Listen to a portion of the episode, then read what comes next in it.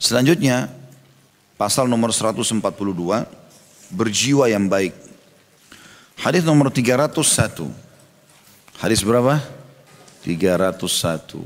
Imam Bukhari berkata, rahimahullah, Ismail bin Uwais mengabarkan kepada kami, ia berkata, Sulaiman bin Bilal mengabarkan kepadaku dari Abdullah bin Sulaiman bin Abi Salam al-Aslami, annahu sami'a Mu'ad bin Abdullah bin Hubayb bin Hubayb al-Juhani yuhaddith radhiyallahu anhu an abihi an ammihi anna Rasulullah sallallahu alaihi wasallam kharaja alaihim wa alaihi atharu ghusl wa huwa tayyibun nafs فظننا أنه ألم بأهله.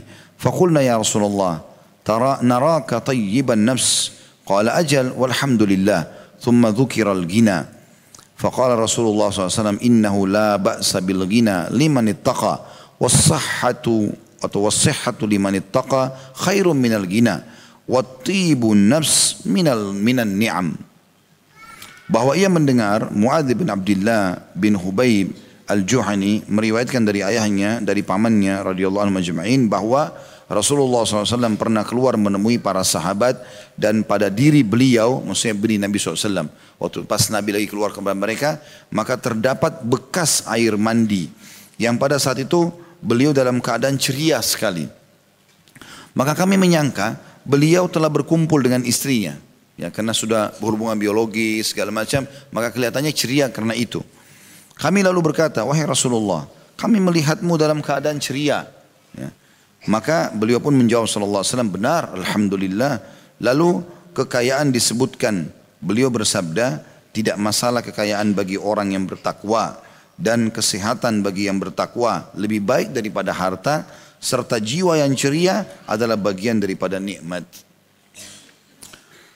Kandungan hadis yang pertama adalah kekayaan tanpa dibarengi ketakwaan merupakan penyebab kebinasaan dan kerusakan karena ketakwaan merupakan wasilah untuk menghilangkan keserakaan dan keputusasaan serta akan menuntun kepada kebaikan. Jadi masuk dalam poin ini saya berikan contoh kan kadang-kadang kita berlibur sama keluarga ya. Saya kita keluar ke mana, ya, keluar kota atau apa saja. Tentu musafir boleh jamak kasar sholat. Tetapi teman-teman, jangan Sementara Allah berikan kita kesempatan berlibur, tinggal di hotel bintang 5, nyaman, mobil juga nyaman, jalanan juga aman, segala macam. Lalu kita gunakan maksiat di sini. Karena banyak orang begitu. Allah berikan nikmat malah lalai dari sholatnya. Lewat sholat. Boleh jamak duhur asar tapi sholatnya menjelang maghrib baru bangun tidur misalnya. Karena hotelnya nyaman. Atau dia bermain-main sama keluarganya. ya Hal-hal yang mubah tapi sampai lalai dari sholat misalnya atau melakukan kemaksiatan. Ya, banyak orang begitu berlibur akhirnya berzina atau melakukan perbuatan-perbuatan haram. Ini semua hal yang bertolak belakang. Harusnya kenikmatan yang sedang ada digunakan dengan ketakwaan. Makin Allah berikan nikmat, makin soleh dan soleha. Makin rekreasi, makin rajin sholatnya, makin berzikir, makin bersyukur gitu. Jangan diberikan nikmat, Allah uji kita, kemudian kita malah kufur kepada Allah subhanahu wa ta'ala. Ini yang banyak terjadi ya. Jadi lagi liburan sekolah, ibu-ibunya pakai jilbab besar, bapak-bapaknya pakai kopiah, pergi ke kolam renang. Ya. Memperlihat-lihat auratnya orang. Terus sholat di sebelah kolam renang. Dari mana mempertemukannya ini? Hmm? Yang penting sholat, bukan yang penting sholat. Masalahnya di sebelahnya ada perempuan telanjang, laki-laki telanjang dan seterusnya. Bagaimana bisa kita sedang menikmati liburan tapi diikuti dengan kemaksiatan? Gak bisa. Jangan begitu. Allah tidak melarang kita menikmati. Allah nyuruh kita berjiwa yang tenang, menghibur diri kita, ya istirahat. Karena Nabi SAW mengatakan, ya dirimu punya hak, keluargamu punya hak. Kita memang begitu. Meluangkan waktu. Tapi pada yang halal, akhi dan ukhti. Jangan pada yang haram gitu kan. Jangan lagi liburan marah mabuk-mabukan, malah narkotika, malah segala macam. Akhirnya tabrakan karena mabuk dan seterusnya. Wa na'udzubillah. Gunakan liburan-liburan hal yang mubah itu untuk menenangkan jiwa, menghibur, menghilangkan kepenatan, iya. Tapi pada hal yang diikuti dengan ketakwaan. Makin baik gitu loh. Ajak liburan tuh anak-anak pergi ke rumah anak yatim, ajak pergi ke mana masjid sholat, tetap pergi. Jadi tetap berada di koridor yang benar gitu. Ya. Kemudian yang kedua, kesehatan yang dibarengi ketakwaan. Kalau tadi kan kekayaan, harta. Yang kedua ini kesehatan dibarengi ketakwaan akan membantu seseorang untuk melakukan kewajiban beribadah. Dan kesehatan tanpa kekayaan lebih baik daripada kekayaan yang kosong dari ketakwaan. Ini sebagaimana sabda Nabi tadi. Artinya kalau ada orang miskin tapi sehat, itu jauh lebih baik. Masih lebih baik daripada orang kaya tapi nggak punya ketakwaan. Yang penting dia pada saat miskin, dia sehat, berada di atas, ketakwaan. Dalam arti kata, orang yang miskin hidupnya pas-pasan, kalau azan ke masjid, sholat, puasa Senin Kamis, apalah segala macam, itu kalau dipertemukan dengan orang kaya raya, mobilnya banyak, rumahnya mewah, tapi nggak ada ketakwaannya, nggak sholat dan segala macam, ini tetap lebih afdal di sisi Allah subhanahu wa ta'ala. Dan kalau ada di antara kita teman-teman yang belum Allah bukakan rezeki, maka sangka baiklah dengan Allah. Sangka baik. Allah SWT lebih tahu masalah itu. Karena ada sebuah hadis yang berbunyi, Allah akan berfirman kepada para malaikat khusus yang pembagi rezeki.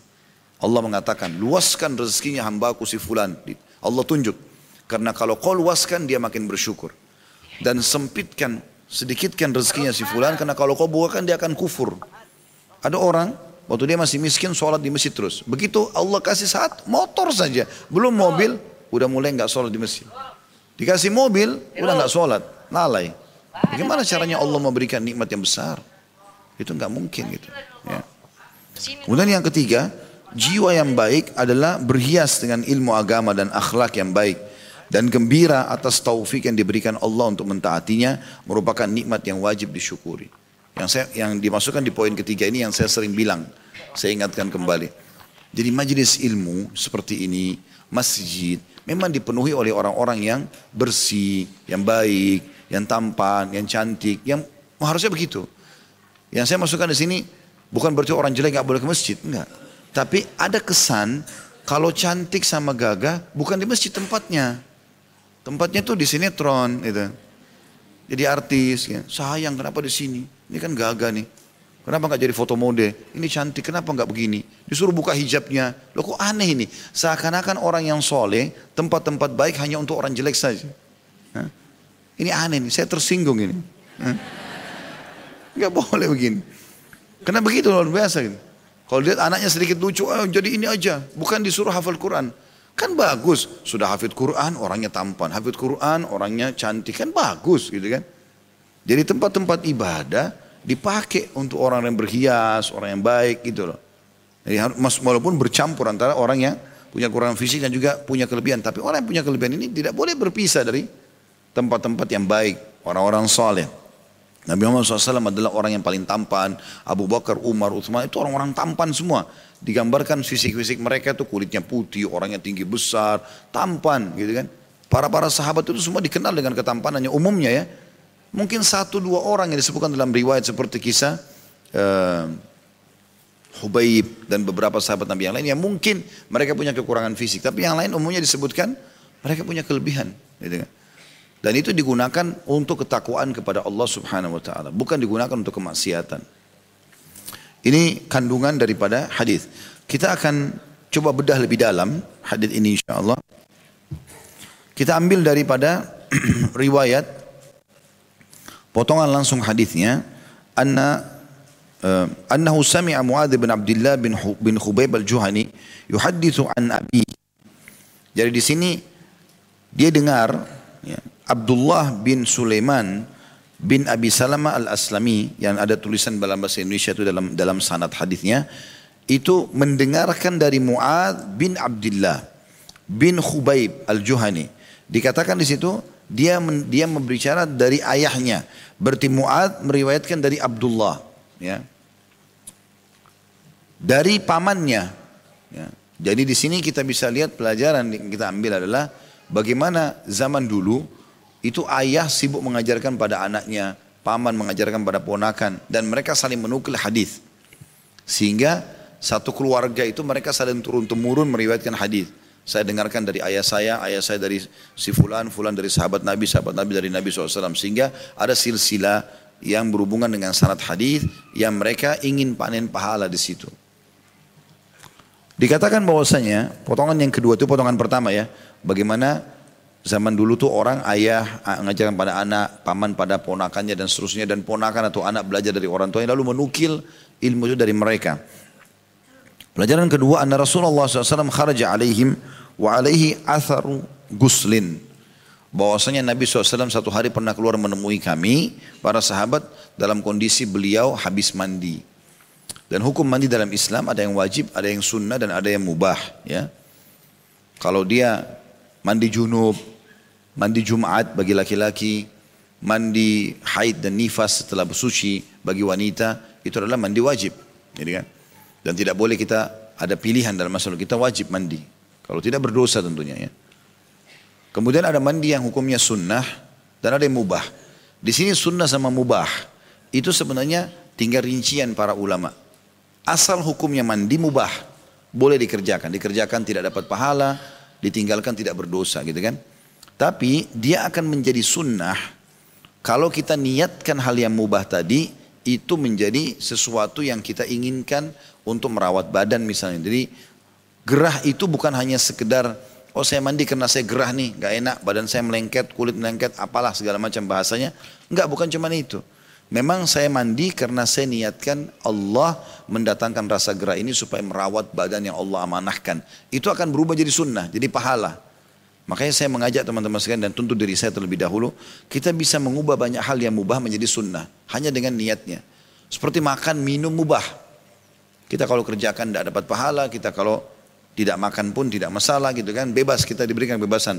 Tergantung. Tapi tentu orang kan memenuhi kebutuhannya. Tapi dia bisa ubah hal mubah itu menjadi sunnah. Jadi pahala. Dengan cara dia niat makan untuk memberikan nutrisi pada tubuhnya yang sedang Allah berikan rasa lapar, rasa haus. Dengan niat merawat jasad yang Allah amanahkan jadi pahala. Kan gitu. Itu juga dengan mandi ya, dan seterusnya. Nah mandi ini ada hukum seperti itu. Ada yang wajib, ada yang sifatnya sunnah dan bisa mubah atau mubah berubah menjadi sunnah.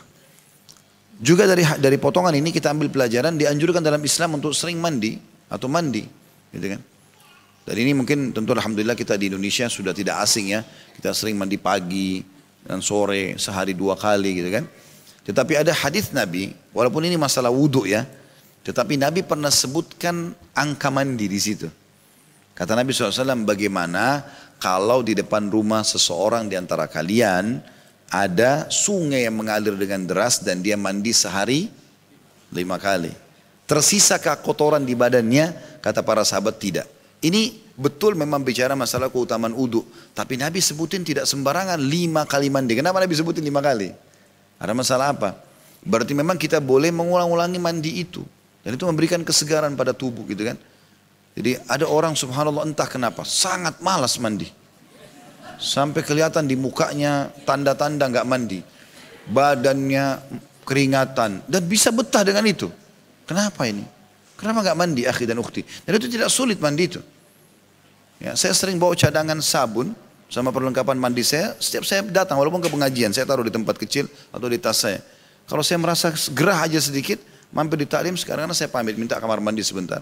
Saya kamar mandi, mandi sebentar, gitu kan. Kita bisa keringkan sebentar lalu kemudian segar.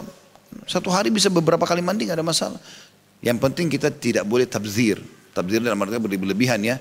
Contoh berlebihan itu misalnya teman-teman kalau lagi mandi pakai shower jangan terlalu keras airnya, gitu kan? Kalau jadi jalankan keran kalau pakai ember jangan sampai tumpah-tumpah kan gitu. Pakai secukupnya. Siram cukup. Kalau mau pakai sabun sampo matikan dulu. Supaya nggak mubazirin di jalan terus. Ya, dibiarin. Ada orang uduk kadang-kadang begitu kan. Jalan keras, apa kerannya sampai kita di sebelahnya basah kuyup. Karena dia luar biasa kencang gitu. Pelan-pelan aja wudhu. Habis itu kalaupun ada transisi yang agak lama misalnya dari usap kepala ya atau dari habis lengan satu ke lengan yang kedua kan itu ada transisi matikan dulu kerannya. Baru buka lagi baru pakai gitu kan. Seperti itulah ke, dari tangan ke kepala matikan dulu ambil air di tangan matikan baru usap ke kepala. Transisi dari kepala ke kaki kan ada jedahnya tuh. Atau dari kaki satu kaki yang sebelah matikan dulu kerannya. Jangan dibiarin jalan. Ada orang sambil uduk ngobrol sama temannya. Kadang-kadang berhenti dulu gitu kan. Apalagi kalau jawab telepon. Ini air jalan terus gitu. Nah, ini kan mubazir nggak boleh gitu kan. Tapi kita dianjurkan merawat diri kita, menjaga dan seterusnya seperti itulah. Ini tentu bagian daripada bahasan kita. Karena ini bagian daripada syariat. Semestinya orang muslim itu terlihat bersih sekali. Rapi, wangi itu bagian dari syariat. Dan dikatakan inna Allah jamilan yuhibbul jamal. Allah indah suka dengan keindahan. Dan semua saya pernah jelaskan itu. Allah eh, Nabi Muhammad SAW menyuruh kita lima fitrah harus dijaga. Memotong kuku, mencukur kumis bagi laki-laki khusus masalah kumis, kemudian mencukur bulu ketiak, mencukur bulu kemaluan, gitu kan, khitan, sunat. Itu bagian daripada fitrah. Wajib orang Islam lakukan. Nabi SAW suka bersiwak. Pernah kita jelaskan itu ya. Bapak Ibu kalau sikat gigi berapa kali sehari? Hah? Tidak pernah sikat gigi? Karena nggak ada yang jawab. Empat kali. Tiga kali. Dalam syariat kita disuruh ber, kita disuruh bersikat gigi puluhan kali. Karena kata Nabi SAW, kalau saya tidak beratkan umatku, saya suruh mereka bersiwak. Siwaknya sama sikat gigi. Setiap kali mau sholat. Sholat wajib satu hari berapa? Lima. Berarti sudah lima kali sikat gigi. Belum lagi sholat sunnah. Ada qobliyah, ada subuh, ada qobliyah duhur, ada qobliyah, ada ba'diyah duhur, ada qobliyah asar, ada qobliyah maghrib, ba'diyah maghrib, qobliyah isya, ba'diyah isya. Belum lagi sholat duha, ada dua rakaat sampai dua belas rakaat. Belum sholat malam, berapa kali kita sikat gigi? Bisa puluhan kali sehari. Menjaga merawat. Nabi SAW tidak pernah masuk rumah kecuali sudah bersiwak terlebih dahulu. Pada saat beliau mau meninggal, sunnah terakhirnya siwak. Sudah mau mati, berhadapi sakaratil maut Nabi SAW, itu tidak bisa ngomong lagi. Tapi waktu iparnya masuk Abdurrahman bin Abi Bakar, adiknya Aisyah, masuk pakai siwak. Mata Nabi lihat siwak itu. Aisyah faham, ya Rasulullah anda mau siwak itu? Nabi kasih isyarat dia. Diambil, dibersihkan, dipotong yang sudah dipakai oleh Abdurrahman, lalu dibuka, di, di, dirapikan lagi, lalu disiwakkan di mulut Nabi SAW, lalu beliau meninggal setelah itu. Yang terakhir kebersihan, kerapian, bagian daripada syariat. Jangan busuk ini bicara sama orang nggak enak, keluar bau jengkol, jengkol, keluar bau ini, keluar bau itu dekat dengan orang tidak nyaman, keringatan, salaman, kita cium tangan habis salam, baunya nggak enak. Banyak minyak wangi kecil-kecil tuh ya, yang roll ya. Beli, kalau mau salaman sama orang dipakai di tangan, jadi wangi gitu kan. Jadi itu insya Allah satu hal bagian daripada syarat kita.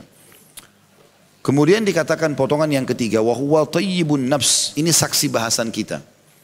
Dan Nabi SAW pada saat itu tayyibun nafs. Tayyib artinya bagus, sempurna segala macam. Nafs itu jiwa. Diringkas bahasa tadi ceria. Ya. Jadi Nabi SAW itu tidak pernah keluar dalam kondisi mukanya sedih, apa nggak pernah. Selalu ceria. Ini bagi seorang muslim harusnya seperti itu. Karena dia tahu apa pun yang sedang menimpa dia. Dari nikmat pasti dari Allah, cobaan juga dari Allah. Kalau nikmat dia bersyukur, kalau cobaan dia bersabar. Maka semuanya kebahagiaan. Apa yang harus jadi masalah buat dia? Gitu kan? Maka selalu saja dalam kondisi ceria dan ini bagian daripada syariat Islam. Harusnya kita ceria, gembira gitu kan.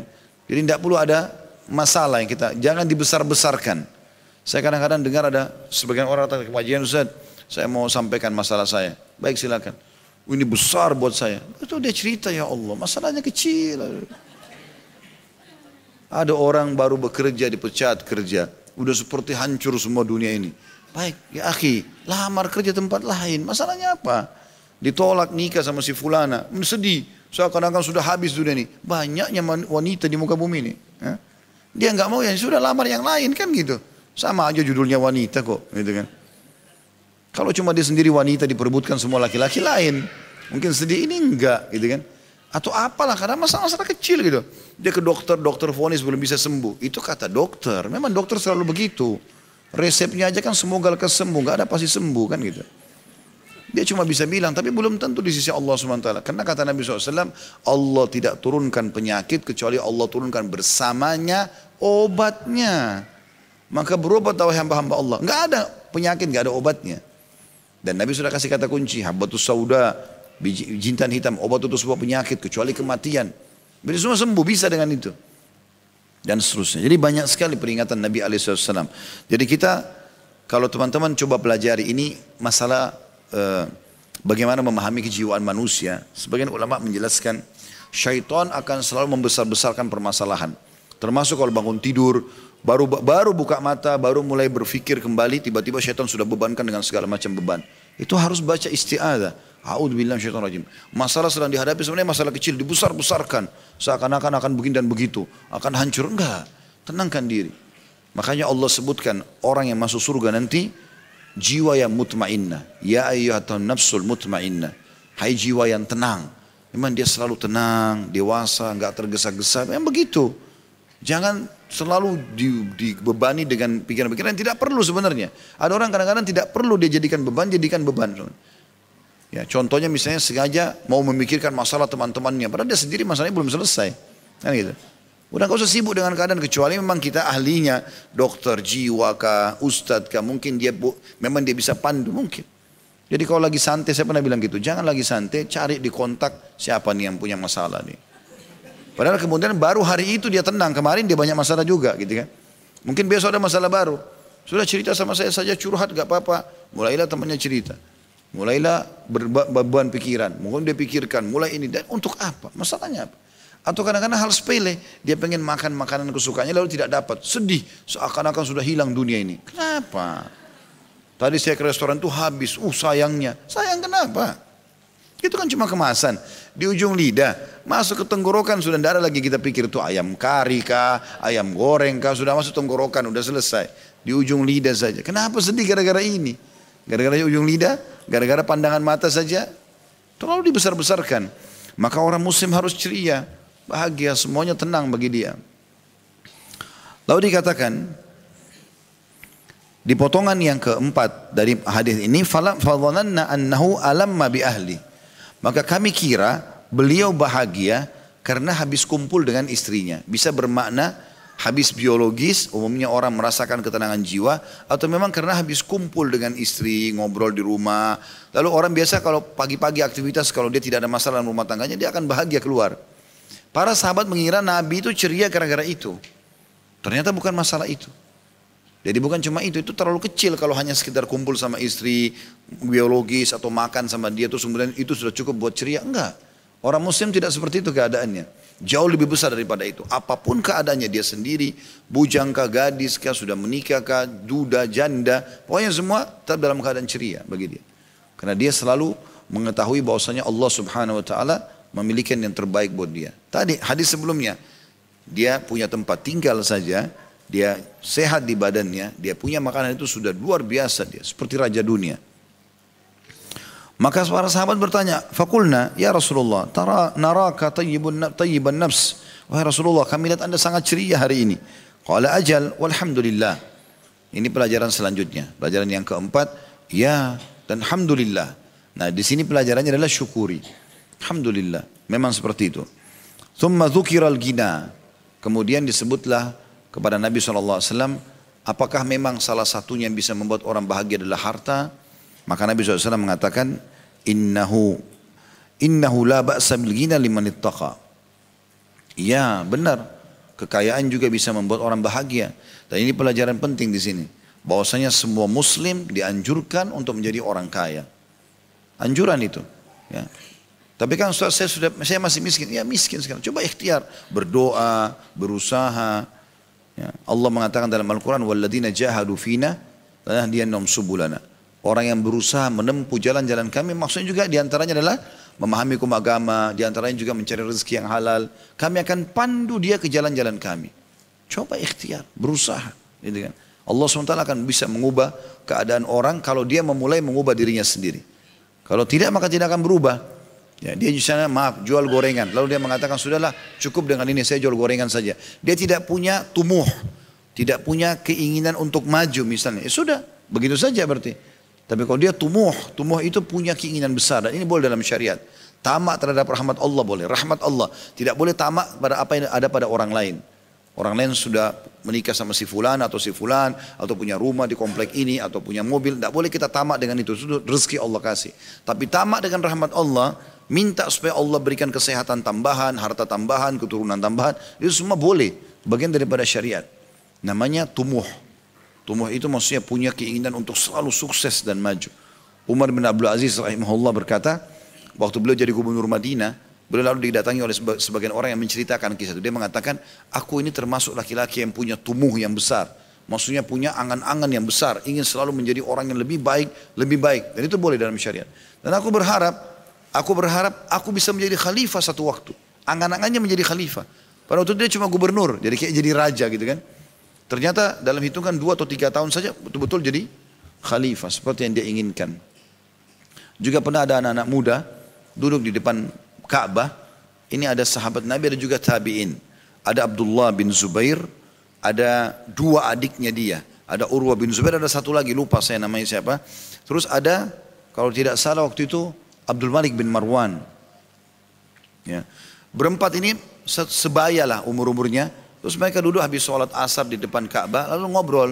Salah satunya ngomong, ayo kita tumuh yuk, ayo kita sampaikan angan-angan kita yang terbesar. Siapa tahu Allah kabulkan.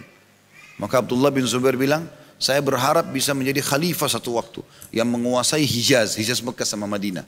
Adiknya yang tadi saya bilang saya lupa namanya itu, dia mengatakan saya berharap bisa menjadi gubernur di wilayah Iraqin. Iraqin ini Irak sama Iran sekarang, dua wilayah Irak. Terus yang uh, Abdul Malik bilang, ya, kalau kalian punya ingat-ingat itu, saya berharap menjadi khalifah untuk seluruh wilayah muslimin. Terus mereka bertiga ini menghadap kepada Urwah. Urwah adiknya Abdullah bin Zubair. Ini seorang tabiin, ulama besar tentunya. Waktu itu masih muda. Lalu ditanya, hai Urwah, kalau kau angan-anganmu apa? Dia bilang, kalau saya, saya berharap menjadi ulama muslimin. Dan mengajarkan agama Allah sehingga saya bisa panen pahala dari situ. Subhanallah, 10 tahun setelah itu, empat-empatnya dapat apa yang mereka inginkan. Semua dapat. Karena mereka punya tumuh tadi, punya keinginan besar dan ingin membangun masa depannya dengan itu. Allah kasih, selama itu baik. Jadi jangan vakum teman-teman sekalian. Kita disuruh oleh Allah SWT untuk maju, bergerak. Jadi kan? Nah pada saat disebutkan masalah harta, boleh nggak orang menjadi kaya, maju, sukses? Kata Nabi SAW, tidak masalah orang menjadi kaya. Yang penting diikuti dengan ketakwaan. Dia tahu sumbernya halal, dikeluarkan pada yang halal. Dan di itu makin kaya, makin bertakwa kepada Allah. Makin pintar, makin tunduk kepada Allah Subhanahu Wa Taala, makin patuh. Itu yang dimaksud di sini. Maka ini poin perlu digarisbawahi. Pelajaran besar dalam hadis ini adalah bagaimana orang punya angan-angan yang besar untuk menjadi orang yang besar, sukses ya. Dan dengan itu dia bisa lebih banyak mendapatkan pahala. Daripada kita cuma masuk masjid sholat, kita berpikir satu waktu, kapan saya bisa punya masjid sendiri ya. Supaya saya juga bisa dapat pahala sebagaimana orang yang bangun masjid ini misalnya. Jadi bukan cuma sekedar masuk saja. Hari ini kita haji, kapan ya saya bisa punya travel, saya hajikan orang. Punya angan-angan yang besar hajikan orang, buat yang sesuatu yang besar bisa dalam Islam. Bahkan itu bagian daripada syariat kita gitu. Juga dikatakan, ini pelajaran selanjutnya, wasihhatu liman ittaqa khairu minal gina. Tapi ketahuilah, kalau ada orang sehat, dia ikuti kesehatannya dengan ketakwaan, lebih baik daripada orang kaya tapi tidak punya ketakwaan. Tentu di sini kalau kita berikan semacam level-levelnya, yang paling baik adalah orang kaya, sehat, bertakwa. Itu yang paling bagus. Dia udah kaya, dia udah sehat, Allah berikan juga ketakwaan. Punya ilmu agama dan beriman kepada Allah. Yang yang keduanya adalah orang yang ya, sehat dan bertakwa. Jadi kan, ini termasuk level yang datang setelahnya. Dan tidak masuk di sini kalau orang kaya tapi tidak bertakwa, sehat tapi tidak bertakwa. Ini semua dianggap tidak bisa masuk dalam level orang-orang beriman. Dan yang terakhir ini saksi bahasan kita sesuai dengan judul jiwa yang baik atau jiwa yang ceria adalah watibun nafs minan ni'am. Dan kau tampil ceria kata Nabi menunjukkan kau gembira karena Allah buat kau masih bisa bernafas, masih bisa melihat, masih bisa ngobrol, masih bisa aktivitas. Memperlihatkan nikmat itu dengan ceria adalah bagian daripada mensyukuri nikmat. Jadi nggak boleh kita selalu cemberut, ya, keluh kesah. Ini nggak baik. Bahkan Syekh Muhammad bin Wahab rahimahullah masukkan dalam buku beliau dosa-dosa besar adalah berkeluh kesah. Keluh kesah, semuanya keluh kesah. Begitu ketemu ngobrolin tentang suaminya semuanya buruk. Gak ada kebaikan suami itu. Tapi dia masih status istri. Gitu kan? Begitu juga dengan suami. Ketemu istrinya semua jelek. Gak ada kebaikannya. Kata Nabi SAW, tidak layak orang mukmin membenci istrinya yang mukminah. Kalau dia dapatkan satu kekurangan, dia akan dapatkan kelebihan dari sisi yang lain. Gitu kan? Justru kekurangan orang dijadikan sebagai ajang pahala. Bukan malah sengaja dicari kesalahannya gitu. Ya, cobalah hidup teman-teman lebih tenang. Ya, nikmati hidup ini, jangan tergesa-gesa. Ya, dan coba cari prestasi yang terbaik. Jadi pertemukan semua itu. Karena kata Nabi SAW, Al-anatu minar rahman. Sifat kedewasaan tidak tergesa-gesa dari dari Allah, dari dari zat yang maha penyayang. Wal ajalatu syaitan. Tergesa-gesa, terburu-buru, balas dendam ini, marah segala macam, itu adalah dari syaitan. Jadi tidak usah kita masuk ke zona-zona syaitan ini. Coba tenang, ya. Kemudian kita tetap punya prestasi-prestasi yang terbaik dan seperti itulah. Kita dalam semua kondisi selalu tenang. Itu yang dimaksud dengan jiwa yang baik.